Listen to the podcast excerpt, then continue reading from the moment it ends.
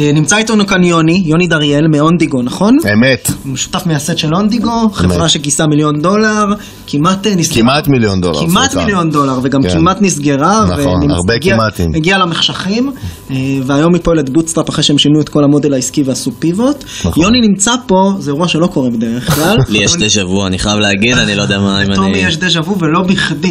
יוני נמצא פה בפעם השנייה אחרי שעשינו פרק, שהיה נכון. אמור להיות הפרק הרביעי שלנו, אבל הוא יצא, איך הוא יצא יוני?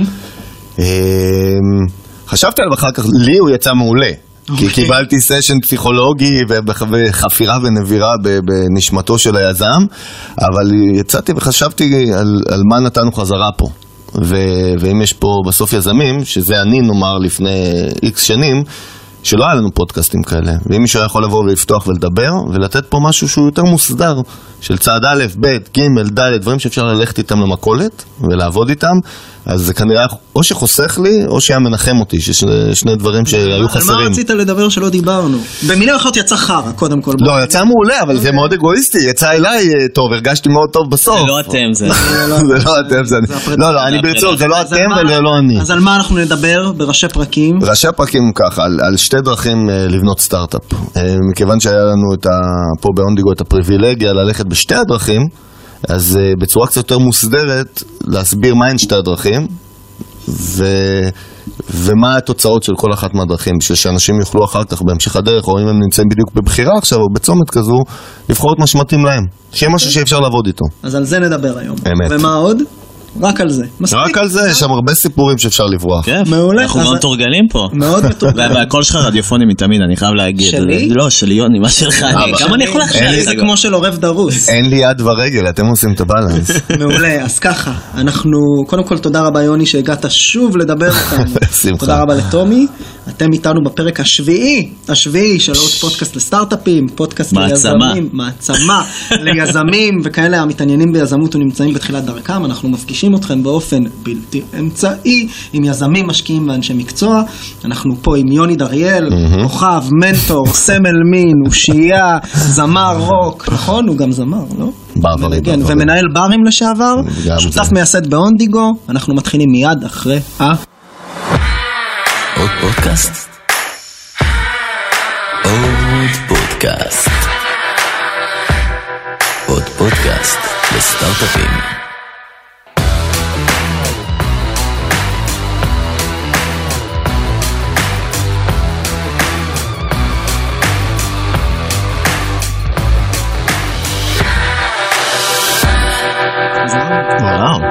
מדהים, זה תמיד מדהים כל פעם כל מחדש. פעם מחדש. אז יוני, ככה למי שלא מכיר, ספר קצת על אונדיגו ועל מה- מה אתם עושים בעצם, וגם על עצמך. היה כיפאק. אז אה, אני יוני דריאל, מנכ"ל באונדיגו, שותפים איתי אה, אה, דור שמר, CTO, אוהד אורן, COO, אנחנו הולכים ביחד כבר הרבה זמן.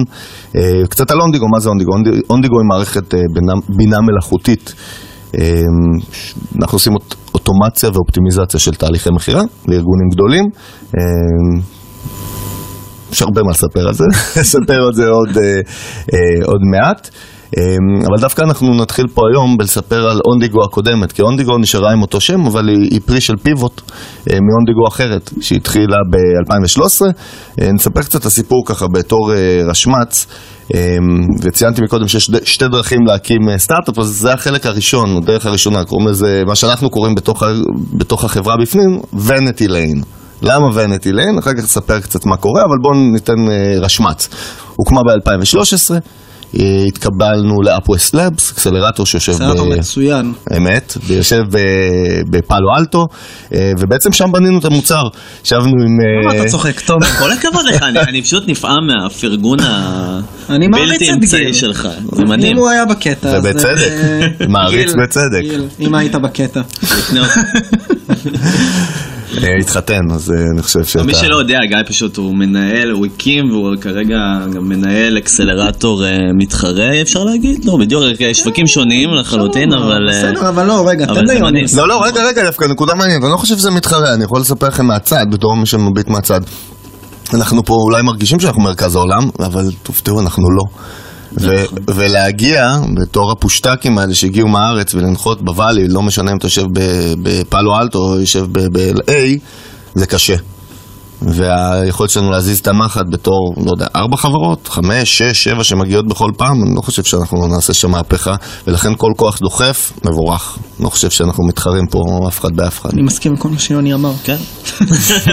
וכולנו אוהבים את גיל בן ארצי. נכון, אז יוני. תמשיך נא. אז ככה. אז אמרנו 2013, Upwest Labs, הקמנו שם את המוצר אה, עם, עם המון mentoring של אנשים מדהימים, תחשבו, אתה מגיע יזם אה, בתחילת הדרך, די clueless, נוחת ב Valley ומוצא את עצמך רץ מפגישה בלינקדאין לפגישה בפייסבוק, לפגישה בגוגל, נמצא בסיילספורס, אתה רואה את, את כל המקומות האלה שרק חלמת עליהם. אתה שם, אתה אוכל שם צהריים עם האיש שאתה פוגש, ואתה רץ מפגישה לפגישה, וזו חוויה מדהימה, מומלץ באמת לכל יזם. אמ, יש גם סכנות בהרפתקה הזאת, אה, אם אתה לא מגיע מפוקס וכולי, נדבר על זה בהמשך, אבל זה מה שהיה. הקמנו שם עסק שכל הקונץ פטנט שלו, אם אפשר להגיד, היה שהיינו, אמ, זה האונדיגו הראשון, mobile CRM. מה זה אומר? מערכת ניהול לקוחות ב mobile. 2013, mobile is a big promise. כל הקונץ פטנט היה שאנחנו יודעים לתפוס שיחות טלפון, פגישות, אה, פעילות באימייל וביומן, ולבנות מתוך כל הפעילות שאנשים מבצעים בטלפון הסלולרי שלהם, לבנות מערכת ניהול לקוחות on the fly. נשמע מגניב. וכך עשינו, אה, תשאלנו וראיינו מלא בעלי עסקים קטנים, שזה הקהל היעד שלנו היה, ג'ו דה פלאמר אה, וכל אחד אחר, אה, שם בטוב, ואין כמו אמריקה, לנחות שם ולפגוש אותם. בנינו אחלה מוצר, גייסנו כסף, אמ, התחלנו לבנות קהילה, בנינו קהילה של 30 אלף בעלי עסקים שמשתמשים במוצר 40 עד 60 פעמים ביום. פש. ואז הלכנו והשקנו את, ה, את המוצר הזה על הבמה ב-TechCrunch Disrupt, שזה חתיכת דבר, זה החלום שאמא תקרא ב- את הכתבה, לא תבין מה זה TechCrunch Disrupt, אבל אתה תסביר ויהיה מדהים. אז הכל הולך מדהים, אה? וורוד. אז זהו שלא. We see a but coming. but coming, בדיוק. big but. זה נשמע רע נכון. שאני אומר את זה במבטא שלי. אוקיי. לא הצלחנו לעשות מוניטיזציה, שזה זה, זה פרט קטן ושולי ששוכחים כשמנהלים אה, סטארט-אפים ועסקים בתחילת הדרך. יש, גם צריך לעשות שם כסף, בייחוד אם אתה מגייס כסף, אה, כי גיוס זה אחלה וזה נשמע טוב, אבל באותו רגע אתה נהיה בעל חוב של הסכום שגייסת, וכנראה כפול שתיים או שלוש ממנו. והעסק לא נראה טוב, לא הצלחנו לייצר- לייצ- לעשות מוניטיזציה, אה, לייצר מכירות, ולא משנה כמה התפתלנו שם, זה התחיל מאוחר מדי. וככה כסף מתחיל להיגמר ושעון החול אה, מתחיל אוזל. אה, ואני מתאר את זה פה בצורה מאוד קרה ומוכרת, זו תקופה מזעזעת, מזעזעת, נורא, אתה רואה את החלום שלך שעבדת עליו, את כל האנרגיה ואת כל מה שרצת וכל האנרגיות שהשקעת ב- ב- להפעיל את עצמך ואת כל העולם ולגרום לזה לקרות, הכל מתחיל להתמסמס וליפול לך בין האצבעות. שחררנו את הצוות, שזה אף פעם לא קל. מה פיטרתם את כל ה... כן, היינו כבר שמונה בצוות. אחרי כמה זמן שעובדים ביחד? שנה ו... אוקיי. ו... ועם כל ה... גם, בוא נגיד, זה לא עבדנו ככה, בוא נראה מה יהיה, ואז משתחררים. יש גם המון highlights בדרך, TechCrunch Disrupt, ואתה נוסע ל Valley, והמון פשש, ניצוצות וזיקוקים. וזהו, והעסק היה גמור. כל מי שניהל עסק, יודע מה זה, זה פשוט נורא. זה כאילו, היינו תשעה ימים, אני זוכר, מלסגור את חשבון הבנק. שזה כבר הסוף של הסוף של הסוף, אחרי שגמרת את כל האדמיניסטרציה. אמ, ואני חושב שפה כדאי שנדבר על הרקע שלנו, כיזמים. אמ, אז למעט דור שעבד במשרד הביטחון והיה ב-Everything Me ומכיר ככה קצת אה, את עולמות הסטארט-אפ מבפנים, אה, אוהד ואני שהכרנו עוד בצוות בצבא במגלן לפני מיליארד וחצי שנה, אמ, לא באנו מהתחום הזה. אוהד עסק במה שהיה אז עגלות. ואחר כך נהיה הולסלר גדול, וישב וגר באירופה, ובאנגליה ובספרד הרבה שנים, ועשה חייל, ואחרי זה עבר להיות אה, CFO של גיימינג פלטפורם במזרח אירופה, נדבר על זה אחר כך, איש ישר בתחום בעייתי, אה, עשה טוב ודחף למכור את העסק אחרי שנתיים, וכך היה, ואני בכלל בא מחיי לילה. היה לי מועדונים וחללים לאירועים, ובמשך עשור זה מה שעשיתי. גם אני עברתי אחר כך ל-BI, Business Intelligence, ושם התאהבתי, וכך בעצם אחר כך נפגשנו והקמנו את הסטארט-אפ. אבל הרקע שלנו הוא של עסקים אמיתיים. והיינו צריכים לשבת וללמוד מה, מה, מה היו הלקחים ש, שלמדנו, אז כאילו בצורה קרה אני יכול לבוא ולהגיד, תקופת הוונטי ליין. כן, למה לסגור? למה נסגר? צריך לעשות ככה קצת אוטופסי, לעסק שמת, בייחוד במרחק הזמן, כי אם היית שואל אותי באותו הד, בסמוך לאירוע, היית מקבל תשובות מאוד אה, מיוחדות, אבל במרחק ככה מספיק רחוק, אה, הלכנו על שוק בעייתי, עסקים קטנים. אני זוכר שקיבלנו הרבה משקיעים שאמרו לנו בתחילת הדרך, אל תלכו עסקים קטנים, אתם מטורפים. קטנים הם עסקים קטנים מסיבה. small businesses are small for a reason, נכון, לא כולם הם האובר הבא שמחכה להתפוצץ, הם פשוט לפעמים קטנים ונאבקים ביום יום שלהם ולא יהיה להם זמן אליך. וגם כסף, 15 דולר או 20 או כמה שאתה לא תגבה, הרבה מאוד בשבילם. אמ, דבר שני שקצת צריך יותר יד על הלב בשביל להגיד, זה המטריקות. אתה נשאב למשחק שבכוונה אנחנו דיברנו קצת על הרקע, אנחנו לא באים מהרקע, אנחנו לא 8200, יוצא 8200 הקלאסיים, או עבדנו בגוגל, או עבדנו בפייסבוק, שזה כאילו ה... ה... לא יודע, הקנה מידה שצריך, שעוזר לך לשפוט, להסתכל על העולם בצורה קצת אחרת. באנו מעסקים רגילים, נורמליים נקרא לזה. והמטריקות שבאנו ועבדנו, כאילו שדחפנו עם העסק, או שהראינו למשקיעים, היו מטריקות שאני היום קורא להם בולשיט מטריקס. כי להראות מספר הורדות וכמה מהם נשארים במהלך חודש, זה נראה אולי מאוד טוב, יש- זה, זה עובר טוב בגרפים, אבל אין לזה נשמה. מה זה אומר נשמה? זה מחזיר אותנו קצת לרקע. תמיד אני נותן את הדוגמה ש... לא יודע, במועדון לילה החיים יחסית קלים. יש לך לקוח, הוא מגיע כל יום, אתה נותן לו דרינק, הוא מחייך אליך, משאיר כסף, שם טיפ לעובדים שלך, כולם מבסוטים ערב אחרי ערב אחרי ערב, זה repeat customer. ואז אחרי שנה עובר איזה ערב קשה, נגיד חמסה, לא אמור, אבל קורה איזה משהו, הוא ערב מקבל... קשה בקטע רע. בוא נחדד. ערב קשה בקטע, כן, בקטע רע. והבחור ניגש אליך, או הבחורה ניגשים אליך בסוף הערב ואומרים, היה לי חרא הערב, אתה לא תראה אותי פה. ועם התחושה הזאת, אתה הולך הביתה לישון וכואב לך בבטן, ואתה מרגיש את האובדן, ולזה קוראים צ'רן.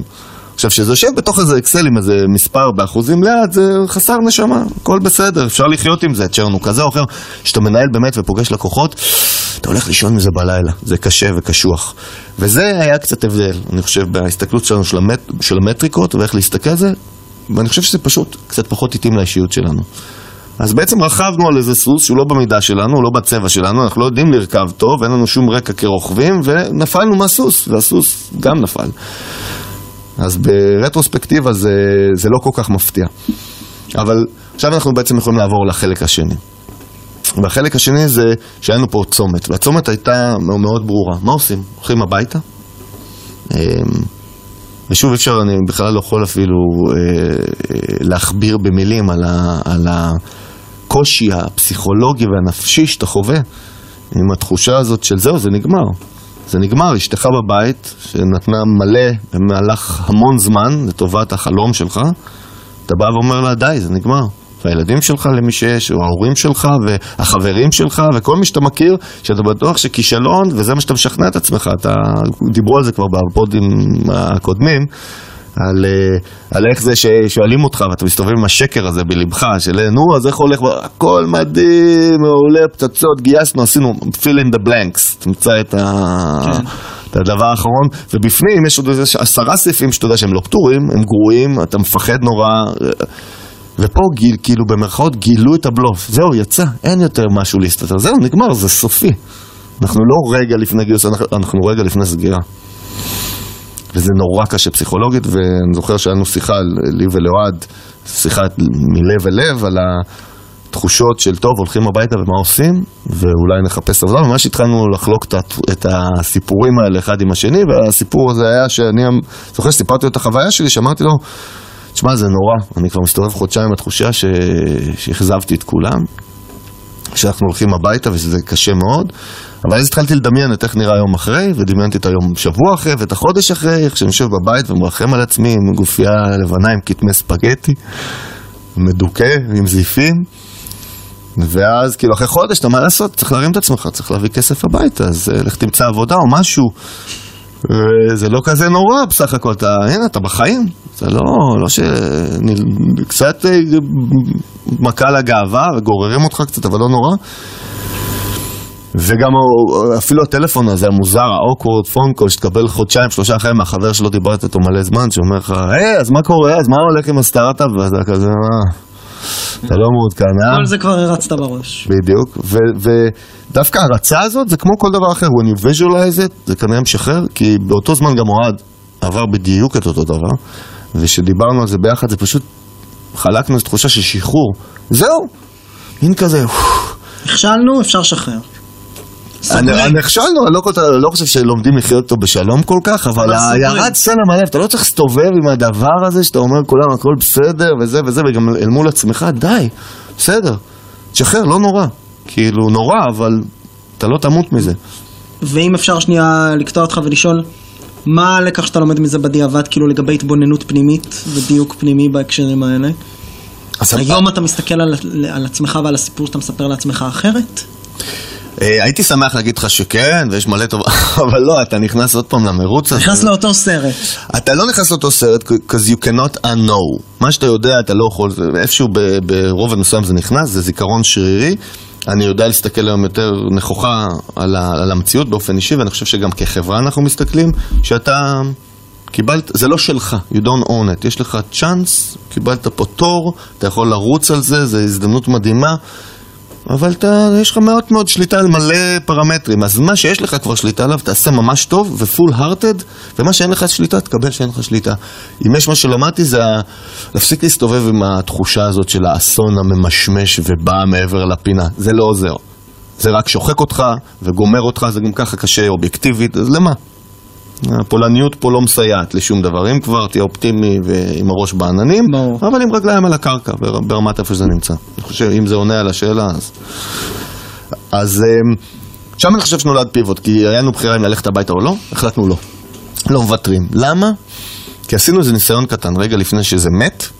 אה, אמרנו בוא נדבר, לא, לא, לא, לא מקובל שזה ככה נגמר ב- בכל ענות חלושה, אז בוא נדבר קצת עם יוזרים. יש פה יוזרים פצצה שמשתמשים מלא, 40-60 פעמים ביום, בוא נדבר איתם, ותפסנו, קפצנו על שיחות טלפון, ולמרבה הפתעתנו, הזעזוע, אני לא יודע איך תקרא לזה, גילינו שהרבה מהם הם בכלל לא היו small businesses, זה לא היה כאלה בעלי עסקים קטנים שחשבנו שאנחנו הולכים. הרבה היו כן, אבל חלק גדול לא.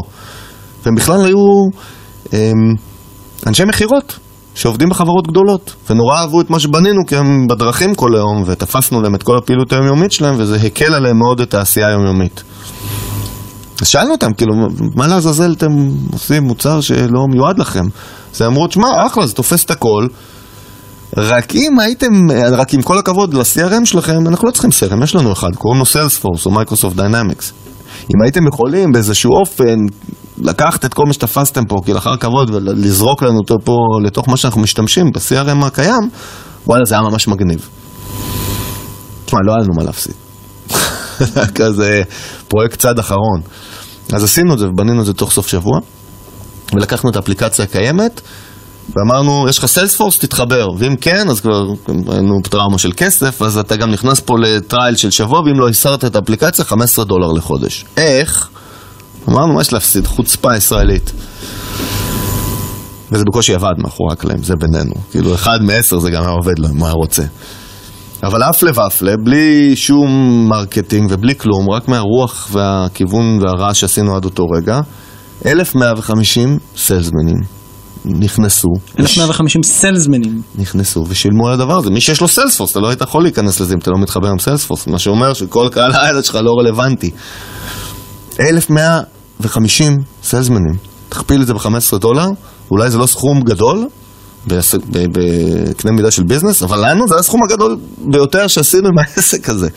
לא עשינו דולר לפני. זה היה מדהים. ובתור מי שניהל עסק, אה, ניהלו עסקים קודם לכן, יש לך ריח. אתה מריח את הכסף. הנה, עלית, יש לזה ריח של משהו ש...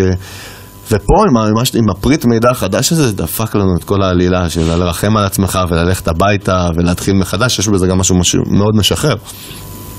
והחלטנו לעשות פיבוט. ידענו שהפיבוט הזה מריח מללכת על קהל אחר, ושהמוצר ייראה כמו מה שאנחנו מדברים עליו עכשיו, אבל לא ידענו מה. ואני חושב שההבדל הגדול, וזה, ה- אני חושב, החלק השני של דרך שנייה לנהל, אה, כאן מתחיל החלק איך השני. אתה קורא לה? אני קורא לזה עשייה, execution. זה אומנם נשמע זול, vanity lane ו execution זה מאוד דיכוטומי. כן, כי, כי המציאות היא אפרורית והכל באמצע והכל נורא קשה, אז אתה צריך לפחות שה tagline יהיה מאוד ברור, כי ברגעים שאתה קצת מתחיל להימשך לכיוון עוד פעם, איזה כל מיני מלכודות כאלה שהדרך מציבה, עדיף שיהיה לך משהו מאוד ברור, שינחה. ו... לפני הדרך החדשה, אני פשוט רוצה רגע לסיים פה איזה נקודה. אה, איך ידעתם, או למה התעקשתם שבעצם SMBs בהתחלה זה השוק הנכון? באתם קרוב יותר לשוק, או כלומר זה היו יותר, זה היה יותר קל? הרבה אנשים בטח אמרו לכם בדרך, עזבו SMBs, כמו שציינת. כן. אז מה ההתעקשות? על מה? אני אתן לך תשובה שמחולקת לשתיים. התשובה המקצועית, שזה אתה נותן לכל האנשים, ואז את התשובה האמיתית שלקח הרבה זמן להבין. לי לפחות לקבל אותה. התשובה המקצועית היא שהרבה מאוד small businesses בעולם, זה שוק underserved, יש פה פוטנציאל עצום, תכפיל סכום קטן, כמו, קצת כמו consumer, תכפיל 10-15 דולר באין סוף אנשים, short sell cycle, מדהים, היתרונות מכל ה... היתרונות של consumer, היתרונות של business. אז זהו שלא. זה מה שחשבתם. נכון, זה כאילו הסיבה ללמה ללכת על זה.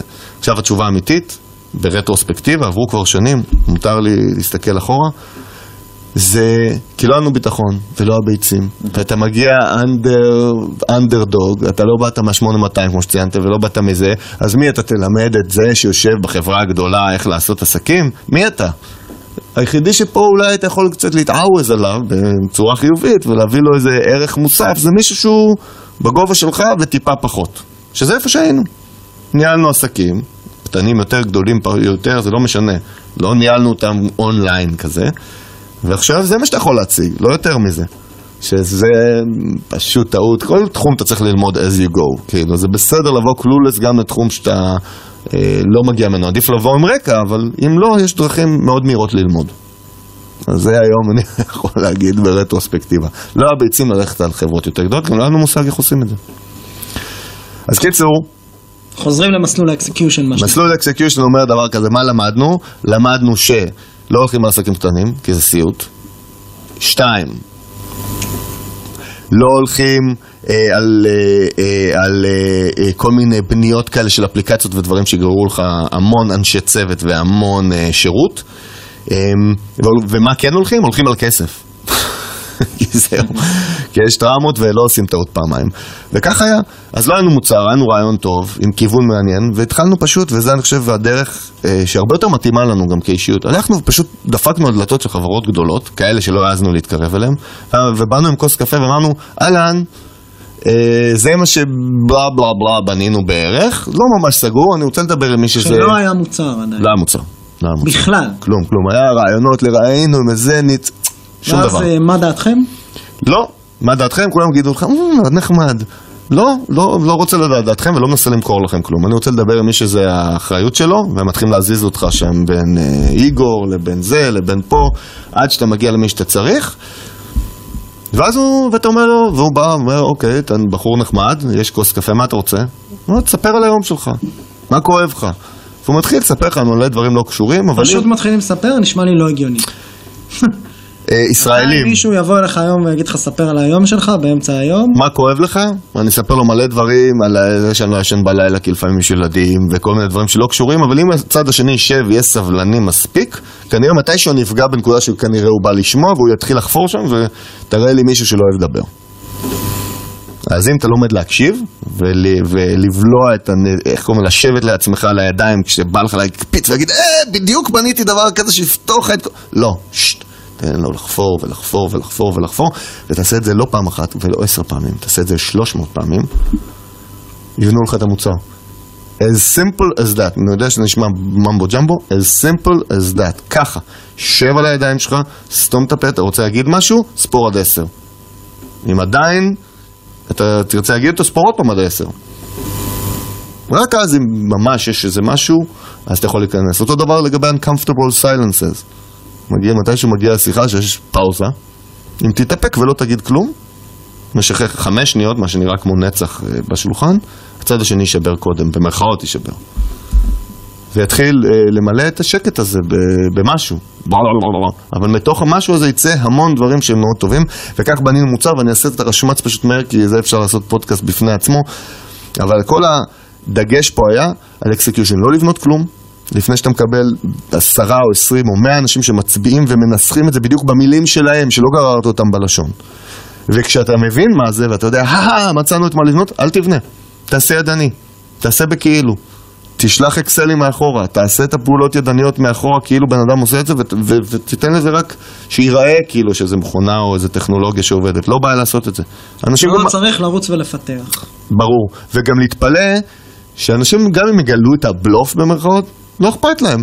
באת אתה משום מקום, יש להם pain, רצית לשבת עד ארבע בבוקר ולשבת על האקסלים שלהם ולשלוח להם איזה משהו שהם שונאים לעשות, אכפת לי אם זה מכונה או שאתה עשית את זה, בבריאות שיהיה לך. יש פה ווין ווין לכולם, אתה בונה פה מוצר, הוא נהנה מפעולה שבאמת צנועה עליו, שאתה לא, לא צריך לעשות, אין פה שקר. לא צריך לעשות בלופים. ולנו היה יתרון שהיינו בתעשייה מספיק זמן, וזה הנושא האחרון שאנחנו נדבר עליו כאילו בסוף, על רזיליאנס, שאתה נהיה מומחה, בעל כורחך. נ- נמצאת מספיק שם מול הדלת הזאת שנפתחת ונסגרת אוטומטית, נכנסת בחלון זכוכית עם הראש כמו טמבל עוד פעם ועוד פעם ועוד פעם, בסוף אתה תבין איך הדלת הזאת עובדת. וזה היתרון שלנו, שהבאנו שם insight מאוד מעניין, בלי להתחייב על שום דבר ועל מוצר. ואז אני יכול אה, מפה בעצם לבוא ולהסביר עוד נקודה אחת שעשינו, שגם כשידענו מה אנחנו בונים, לא בונים, עושים ידנית, וגם אחרי שאתה מבין כל מיני תהליכים שיעזרו באמת לאופטימיזציה של העסק שלך והניהול, ואנחנו שלושה אנשים, אתם צריכים לזכור. אין עובדים יותר. לא, יש on demand, יש אנשים חכמים שהם founder mentality, שאנחנו יכולים לפנות אליהם והם מבינים את הראש ויודעים, ואתה מבין בדיוק מה אתה צריך ואתה מקבל בדיוק מה שאתה צריך. לא צריך להוציא אותם לארוחת צהריים ולעשות פה רשת של סטארט-אפ מצליח, עכשיו עם איזה company culture ובלה בלה בלה, ויום כיף לחברה. אין, למה, למה לעשות, למה, למה, למה לאחיזת עיניים הזו, שהיא בעיקר מופנית אליך? זה אנשים שמבינים את זה, מכבדים את זה, הם היו בסטארט-אפים שלהם, הם מכבדים, הם מבינים את איפה שאתה נמצא, הם סבלניים למצב, הם מבינים מנטלית ופסיכולוגית איפה אתה נמצא, והם באים לעזור לך. באמת, אנשים מדהימים יש פה בארץ. וכך גם עם כל מיני דברים שעשינו בפנים, כמו customer support ו- וכל מיני מערכות שבנינו, הכל ידני. כשאתה מגיע למאה או פעם האלף שאתה עושה את זה, שנשברות האצבעות, יש לנו מונח פנימי שאנחנו אומרים, זהו, הרמתי דגל. כשאתה מרים דגל, זה אומר שבאמת עשית את זה כבר אלף פעמים, למרות שאחרי עשר פעמים הבנ- הבנת את הפטנט. ועוד מה שזה אומר, זה שאם אתה מרים דגל, לא מתווכחים איתך. הולכים ועושים. כי לכולם יש pipeline מאוד היחסים שבין ה business וה marketing לפיתוח בעצם. ביחסים של בין הכל להכל, כי כולם לובשים את הכובעים של כל התפקידים. נו, שלושה אנשים. בסדר, כששלושה אנשים.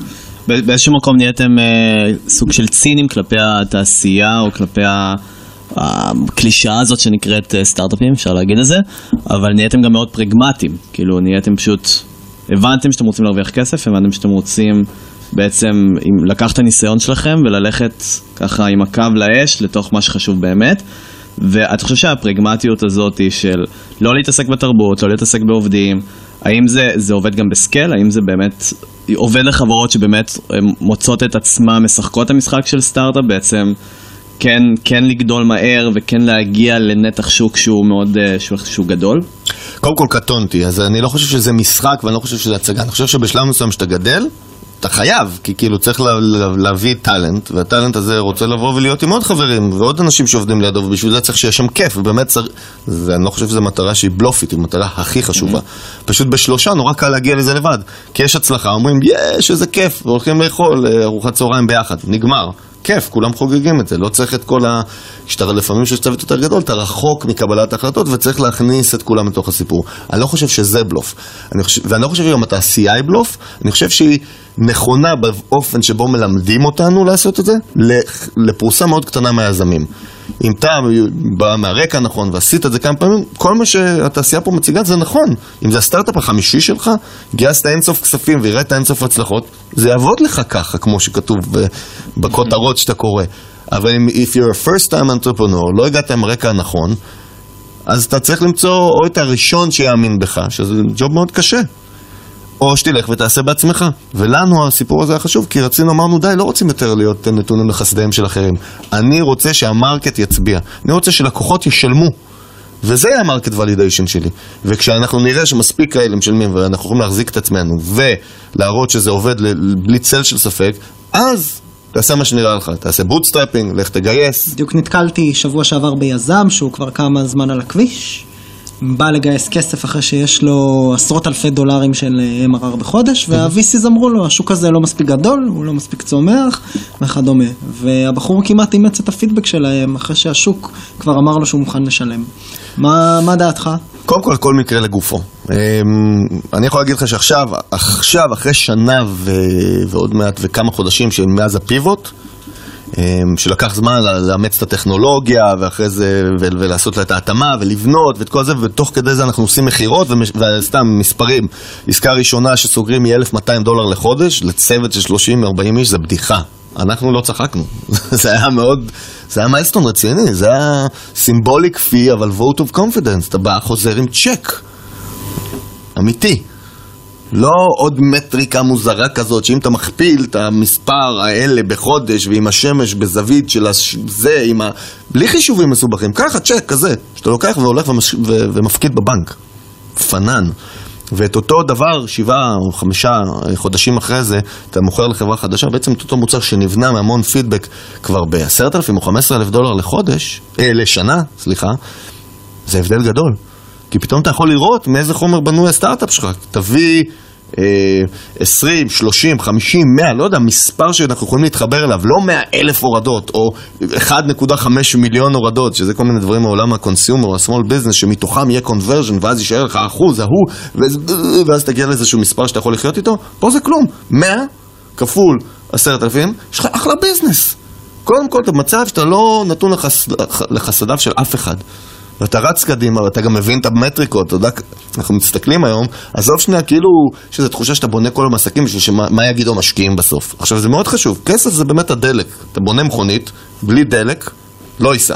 אז או שתלמד לעשות דלק אה, מפסולת אורגנית, אה, כמו בחזרה לעתיד, או שאתה תעצור בתחנת דלק. התחנות דלק האלה זה ה-VCs, או המשקיעים. אז בטח שאתה חייב דלק, אבל אני לא אבנה את האוטו בשביל שה... לקבל את האישור שהמנהל תחנת דלק יגיד, האוטו הזה נחמד, אז אני אמלא אותו. יש דלק שצריך, יש תחנות שהן עלו ויש תחנות שלא, ויש סוגים של דלק. אז פה, אני חושב שמתוקף האנלוגיה, תקים את העסק, תבין שהוא עסק, יכול להיות, ואני אגיד פה איזה משפט, שאולי הוא מש... מילה גסה בתעשייה. שהוא לא מתאים ל-VCs. יכול להיות, מה קרה? זה לא, זה לא הסרט שלנו. אנחנו, יש לנו רעיונות גדולים לקחת את זה, אבל מה שנקרא lifestyle business, מתוקף העשייה הזאת פגשנו כל כך הרבה כאלה בארצות הברית עכשיו, שהם פשוט פנו אלינו לכל מיני שת"פים וכאלה, ואז אתה נכנס אותם למספרים, ואתה בתור ישראלי חצוף, לא אומר לו אחרי רבע שעה לתוך השיחה שעוד עושים את ה ass sniffing של רק להכיר מאיפה אתה עובד, אתה אומר לו, אז כמה אתה עושה בחודש?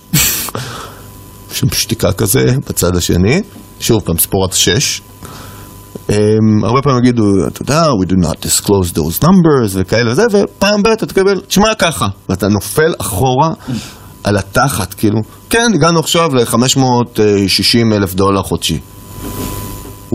אפילו לא עסק של VC, פשוט עסק. לא, עכשיו זה לגיטימי, אמריקה, אתה יכול. ופה אצלנו זה כאילו שניים, או שאתה עושה בלוף עם אפס, רק הורדות של 7,000 מיליארד גזיליון בזיליון הורדות, כמה כסף? אפס, אבל אנחנו נמצא מוניטיזציה, שזה היה כזה השוק הישן, או, אה, לא יודע, 100 אלף אה, בהכנסות חודשיות, ואז אני מוכן לגייס את ה... יש כל מיני אזורים, אזורי ביניים, שאתה צריך למצוא את הדרך שלך בהם. אז היום אנחנו מגייסים. 500 סטארט-אפס נכנסו עכשיו עם הצ'ק הראשון. מברוק. תודה רבה, כן, צ'ק קטן, אבל uh, אנחנו לא תכננו, ובין די, כאילו היינו איתם בקשר שנה, uh, והם ראו את כל הדרך שלנו, ואני מאוד uh, גאה בסיפור הזה, כי זה היה מהשיחות הראשונות של, זה לא ילך בחיים, ל... אה, אתם עדיין פה. ל... אמ, מעניין, יש פה זה, אבל זה לא... עד למצב שמבינים ושולחים אלינו את השותפים שנוסעים מכל העולם לבוא לעבוד איתך hands on במשך חודש, זה פשוט הכבוד שיושב לידך מישהו ועובד לך לדברים שלך, לא בתיאוריה, תכלס, hands on. זו הייתה חוויה מאלפת ומדהימה, ובאמת מצאנו מישהו שאיתנו בראש. אני חייב לשאול אותך משהו על האינפרונט של, שלכם, כלומר, איך שאתם מדברים עם לקוחות, כי אתם שני יוצאי צבא, יחידות מובחרות, mm-hmm. אתה נראה לי בחור שיש לו גם הרבה אומץ, בא לפגישה ובאמת יוצר סוג של איזה מין מעטפת והרבה ביטחון, בוא נגיד. והדעה הרווחת, בוא נגיד ההיגיון, אומר שאתה יודע, חברה ש... בוא, נגיד, בוא ניקח enterprise, כן רוצה להרגיש ביטחון עם חברה מסוימת שעובדת, במיוחד אם זה סטארט-אפ וחברה צעירה. וגם דיברנו, היה לנו פה פודקאסט אה, קודם, שבאמת ראינו איזה מגמה ואיזה שינוי ב enterprises, שזה לא כמו פעם שהיום אתה צריך איזו החלטה של איזה מישהו בלמעלה, שאומר... היום משתמשים בפלטפורמה הזאתי, כל, ה, כל החברה עוברת אליה. היום זה מגיע כבר, בת, כבר מלמטה. מ-bottom up, וזה נכון. משהו שמאוד, אה, שהרבה בזה כבר, המכירות מאוד מטשטשות. כלומר, נכון. אתה יכול היום למכור ל enterprise ס גם דרך social media וגם דרך ערוצים שהם לא קונבנציונליים, שזה inbound וכולי. נכון. עכשיו, אני רוצה לשאול אותך לגבי דווקא pitch מכירה, כי זה משהו שהוא מאוד מעניין. איך אתה יוצר את המעטפת שאומנם אתה חברה בתחילת דרכה יחסית, אה, אתה לא גוגל או אתה לא חברות, אתה לא Salesforce בוא נגיד, אתה עובד אה, דרך Salesforce, איך אתה יוצר בעצם את, אותו, את אותה הרגשה של אנחנו לא ילדים? אוקיי. שאלת מיליארד הדולר. בתחילת הדרך היינו נותנים פיצ'ים מאוד ארוכים ואוכלים את הראש של מי שיושב מולנו עד שהיה יוצא לו עשן ופעם בזה היה עובד. זה דרך מזעזעת לעשות מכירות. מכירה הכי טובה, שוב, זה קלישאות, אבל זה פשוט נכון, תסתום את הפה שלך. שב, תאזין, תן את ה two-liner שלך, של ה big problem שאתה פותר, כמה שתהיה פחות ספציפי, סיכויים שתתקבל, אה, שאתה, שאתה לא תסגור לעצמך דלתות, יגדל. ותן לצד השני לדבר. ואחרי שאתה מתשאל ושואל, עכשיו אני בן אדם סקרן מטבעי, אז מאוד כיף לי לדבר על עסקים של אחרים, זה באמת מעניין אותי. ובייחוד בעולמות כאלה שאני כבר יכול לחשוב על 700 רעיונות ופיצ'רים לעסק שלי, שאני אצא עם, גם אם יגידו לי לא, בסוף אני אצא פה עם הרבה רעיונות טובים. שב ותקשיב, זה מדהים מה ש... כשאתה עוצר ואומר, בואנה, ישבתי ושתקתי חמש דקות, תראה כמה זה... ואז אחרי עשר דקות אומר, בואנה, כבר חמש עשרה דקות, חבל הזמן. ואם אתה יוצא שבקושי דיברת, בסוף אתה אומר לו, שמע, וואו, יש פה המון להקל, אה, תן לי לשבת לחשוב על זה, ואני אחזור אליך פעם באה, שזה כאילו, בחיים לא הייתי מעז לעשות את זה לפני שנה, זה, זה הכי טוב שיש, כי זה באמת נכון, שאתה לא צריך לשלוף מהמותן, שב על זה, דבר עם הצוות שלך, תבינו מה יש למכור היום, מה יש למכור מחר, מה אפשר לבנות ביחד, איזה סינרגיות מעניינות יש, ותחזור, היתרונות הם מדהימים. אחד, בן אדם אוהב לדבר. זה פסיכולוגית. לא בקטע של לעבוד על בן אדם, באמת, אנשים אוהבים לדבר, ואתה בא לפתור פה pain למישהו, אז תן לו להסביר לך מה כואב לו, זה כמו שרופא, היית בא, אומר לך, מה כואב לך? תשמע, כואב לי, טוב, אני יודע מה אתה צריך, קח, קח, קח, זה לא רציני. לפעמים רופא טוב יקשיב כל כך הרבה שהוא יבין שזה בכלל פסיכוסומטי, ולא, אין פה בעיה. אז אותו סיפור פה, אתה נותן פה פתרונות. שב, תשתוק, לך תמצא את הדבר הזה, תן לבן אדם לדבר, ובסוף אתה מקבל באמת מה אתה צריך לתת לו. והמכירה נהיית כל כך הרבה יותר כיפית, זה פעם ראשונה. זה כאילו ההוליסטי, יופי, דיברנו כלומר, אל. תמכור. קודם כל, לא, אני מציע לא למכור, באופן כללי. גם אם אתה מאוד פיץ' אוריינטד וסיילס אוריינטד, אל תמכור. כי, כי אנשים נכנסים למגננה שאתה מוכר, זה גם לא הקטע שלך, אתה באמת פותר פה מה שאתה אוהב. דבר שני, שזה קשור קצת לאיך מוכרים, ודיברת עכשיו ב consumer, לא ב consumer, אנחנו קצת פחות כאלה שעובדים ב social media וזה, באים אלינו ב thumb up, אנחנו נותנים את האופציה הזאת, ופשוט עוברים לקשר אישי מאוד, כמו וואטסאפ כזה, דרך האינטרקום אצלנו באתר, דבר איתי. דבר חופשי, יש לך שאלות, אני מדבר איתך, ועם שגיאות כתיב ו- וכל מיני כאלה typos שאתה עושה במובייל, אין בעיה. You're keeping it real. Um, ובעיקר, החלק, אני חושב, אה, הכי חשוב, לתת להם לדבר עם לקוחות. וזה היופי. כי אם את השניים הראשונים, נחזור לתחילת שיחה, אם השניים הראשונים ישבת בארבע בבוקר ועשית להם אקסלים של המוצר העתידי שלך ו- וכולי, נולד שם קשר אמיץ. תחשבו על זה. חמישה חודשים מגיע הבחור הזיה הזה, יוני, שדופק לך בדלת ומבקש פגישה כל שבועיים, אתה עדיין פה? עוד פעם עשית בשבילי משהו בלי כסף?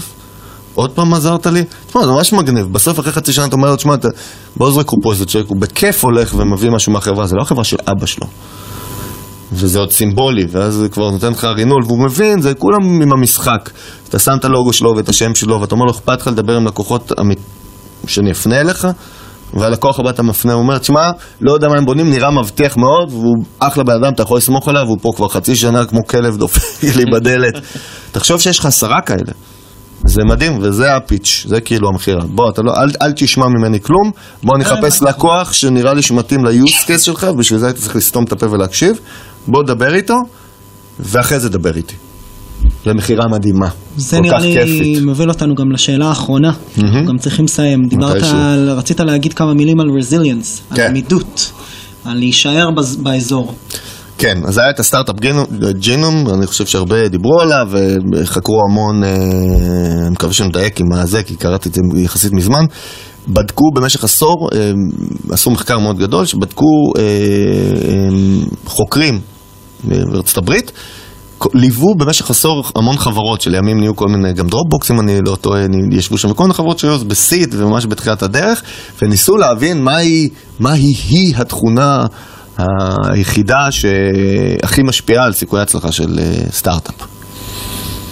והיה שם המון לק ו- ומימון וזה ו-the right market וזה, ובסוף גילו שהתכונה, כבר קלקלנו, כי אמרנו, זה resilience. ש... שבעברית אני חושב שזה זה עמידות, שילוב לא? של עמידות עם... אה, איתנות. כן, אין את המילה המדויקת. resilience זו מילה מאוד מדויקת. שזה, מילה יפה. שזה בסוף הדבר. שב-500 סטארט-אפס אומרים הרבה על זה, כאילו, כמו, כמו ג'וקים. אתם פה, אתם כמו ג'וקים, אתם לא... להרוג אתכם. וזה הדבר שאם תשב שם מספיק ו- ותצפה בשוק שאתה עובד בו, ואתה יודע, כמו הגלים האלה ששוטפים אותך עוד אחד ועוד אחד, אתה בסוף נהיה מקצוען רק מלהיות נוכח.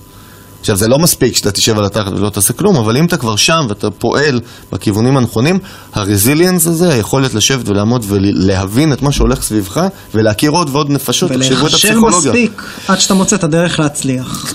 בהקבלה ללין. בהתחלה, בדיוק, גם אני הסתכלתי על זה בקטע של רזיליאנס, כאילו תעמוד, תקבל מכות בגב, ייתנו לך בוקסים ואתה זה, אבל ואז גיליתי שיש לזה עוד צד שהוא הרבה יותר רך. שזה הצד השני, שזה רזיליאנס, להיות נוכח ואתה פשוט, משהו חברותי, אתה מכיר יותר אנשים מהתחום, הם מכירים אותך, אתה כבר לא כל הזמן ה-first timer וה-newcomer והטירון, אתה כבר פגשת אותו בחמישה כנסים. כבר היה לכם שיחות, הוא כבר אמר לך לא, שניסית למכור לו, ואז הוא ראה את ההתקדמות, וחבר שלו קנה, ופתאום יש איזה market שמסתכל עליך, אתה אומר, אה, הם פה עדיין? ואם אתה לא טמבל גמור, אתה משתפר עם הזמן. האמת שאני מרגיש את זה על הפרק הזה, כי אנחנו מכירים אותך, אתה פה פעם שנייה, נכון. ולמדנו עוד יותר. אתה לא טמבל גמור, וגם אנחנו וגם לא. אני. אני דווקא כן טמבל גמור. באופן סמלי אפשר אה, לסכם פה את ה... כן, אז יוני, איך היה לך הפעם? לא, אה, לא יודע, נשמע, אני נשמע עם ה... לא, לא, היה לי טוב, אני, אני חייב להגיד לך, כי אה, סתם, סיפור שלא סיפרנו בהתחלה. הלכתי לישון וחלמתי בלילה את מה שאמרתי לך. הלכתי לישון וקמתי בבוקר, והיה לי איזה חלום על זה. שכאילו, אם אתה עושה משהו קרמטי, אתה צריך לבוא ולארוז אותו גם, כמו מוצר, וכמו כל דבר אחר, לארוז אותו בצורה אה, ברורה וקוהרנטית, שאנשים יוכלו לעבוד איתו. כי אם אתה מפזר למישהו כלי עבודה, או מישהו מבקש לך מבריק, ואתה שופך לו את כל הארגז כלים על הרצפה, לא עזרת לו. אני זוכר, אני זוכר שקיבלתי ממך הודעה בשעת לילה מאוחרת. קיוויתי. ראיתי צפצוף, אמרתי, אוי, מי זה? ואז זה היה יוני. באתי להגיד לו, ואז חלמתי על זה, ואז דיברנו על זה בבוקר. בדיוק. אז יוני, תודה רבה שבאת בפעם. השנייה. ותודה רבה לטומי. ותודה רבה לסמסונג נקסט שמארחים אותנו ולגלובס שנותנים לנו בית ותודה לכם, אנחנו נתראה בפרק הבא של עוד פודקאסט.